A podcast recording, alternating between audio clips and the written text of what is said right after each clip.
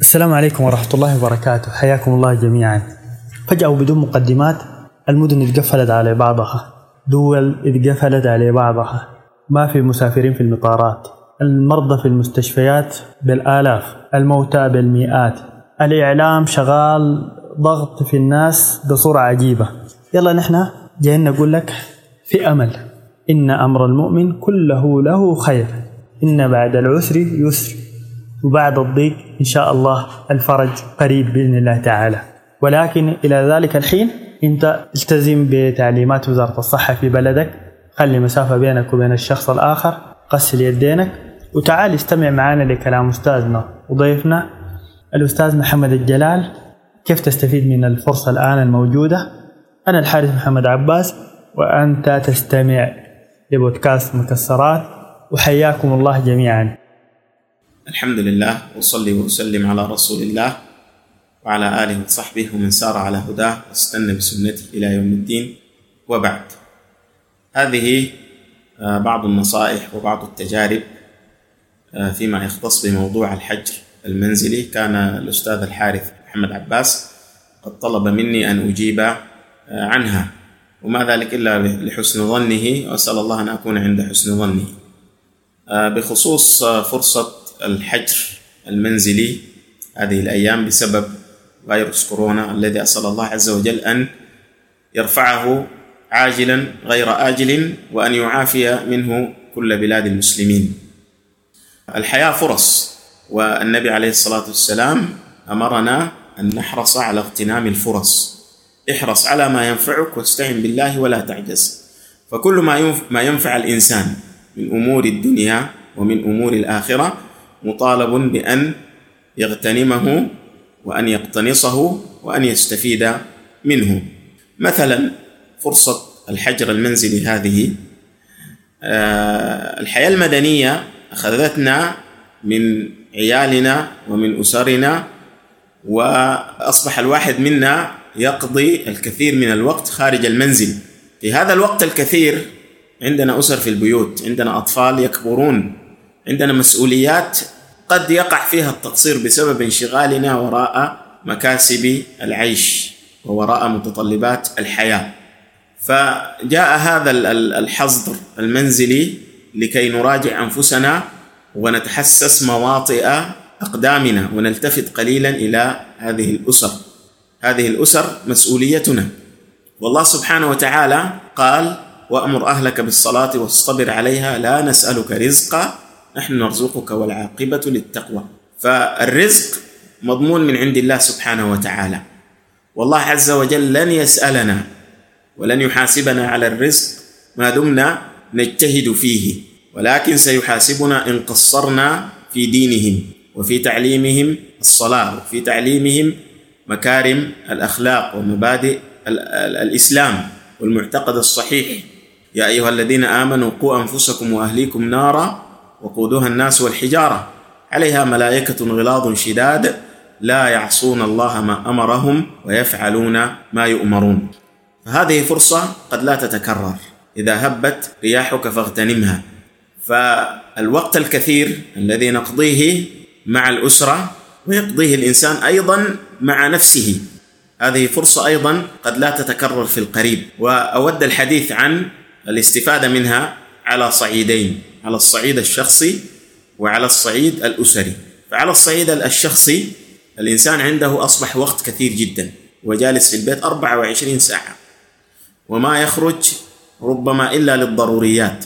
هنالك فرصة كثيرة للصيام صيام النوافل.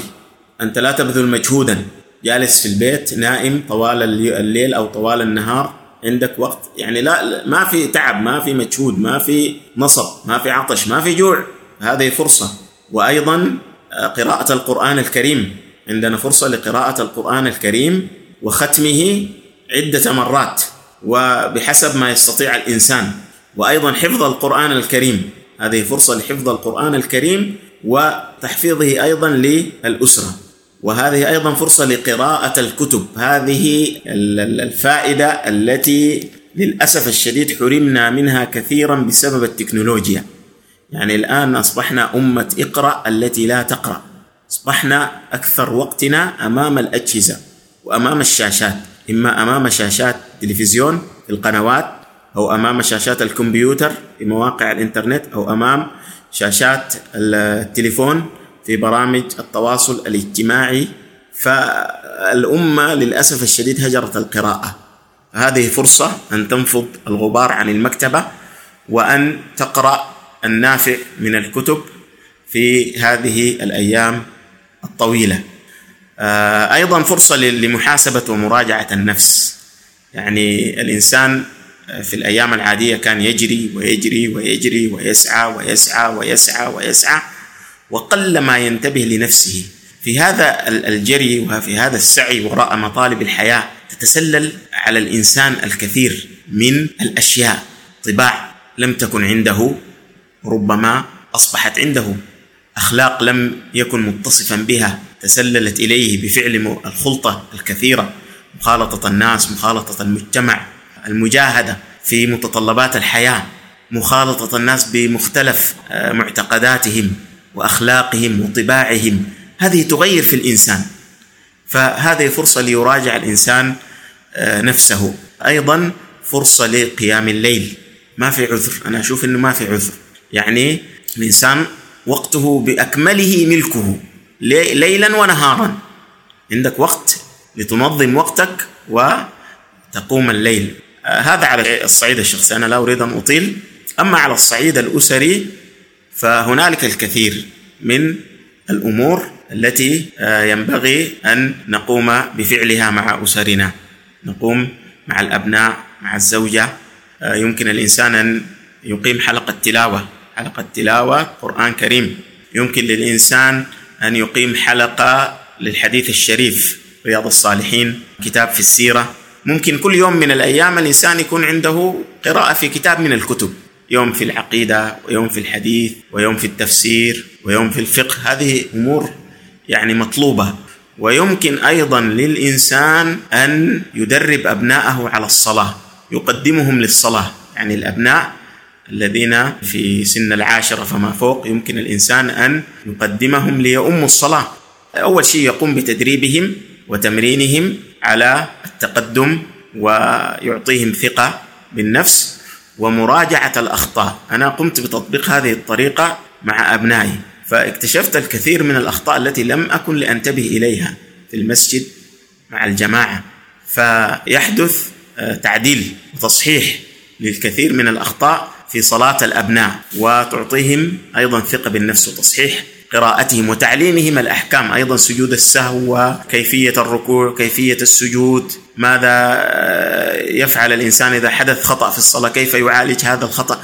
كل هذه الأمور يمكن تطبيقها عمليا من خلال تقديم الأبناء في الصلاة ومن خلال عمل اختبارات لهم وإعطائهم آه، يعني درجات من آه، الصلاة. يعني الواحد تقدم للصلاة تقول له مثلا اليوم أعطيتك كذا أو ليس بالضرورة أن تقول أعطيتك كذا من الدرجات تقول أنت قصرت في كذا أخطأت في كذا. أو أنت أحسنت في كذا وأصبت في كذا وهذا أيضا من المحفزات. يعني ما يكون تركيز الإنسان فقط على السلبيات وإنما أيضا على الإيجابيات من أجل أن يرفع من معنوياتهم. أيضا الاستفادة من الوقت في عمل برامج كثيرة ومتنوعة حتى لا يمل الأبناء. وعدم تركهم للقنوات ولاجهزه الكمبيوتر وأجهزة الألعاب والبلاي ستيشن والايبادات والتابلتات وهذه الأمور. يعني آه، بعض الآباء يجعل كل وقت الأبناء أمام هذه الأجهزة حتى يقول لك أرتاح منهم. وهو بهذه الطريقة والله يدمرهم. والله هذه الأجهزة تدمر تدمر عقلية الأطفال. تصيبهم بالتبلد وتصيبهم بالتشتت وتصيبهم بالعصبية والنرفزة وأمور أمور أمور كثيرة جدا جدا. غير بعض الألعاب التي فيها مخالفات شرعية وفيها تتسم بالعنف تغير طباع الأبناء يصبحوا ميالين للعنف وللوحشية. هذه أمور يعني كلها ينبغي أن آه، أن ننتبه آه، إليها. فهذا ما يسره الله سبحانه وتعالى. وأسأل الله عز وجل أن ينفعني وإياكم بما قلنا وأن يعيننا وإياكم إلى العلم النافع والعمل الصالح. هذا والله أعلم. صلى الله على النبي الكريم. دي كانت نصائح بسيطة ممكن الواحد يستفيد منها في البيت.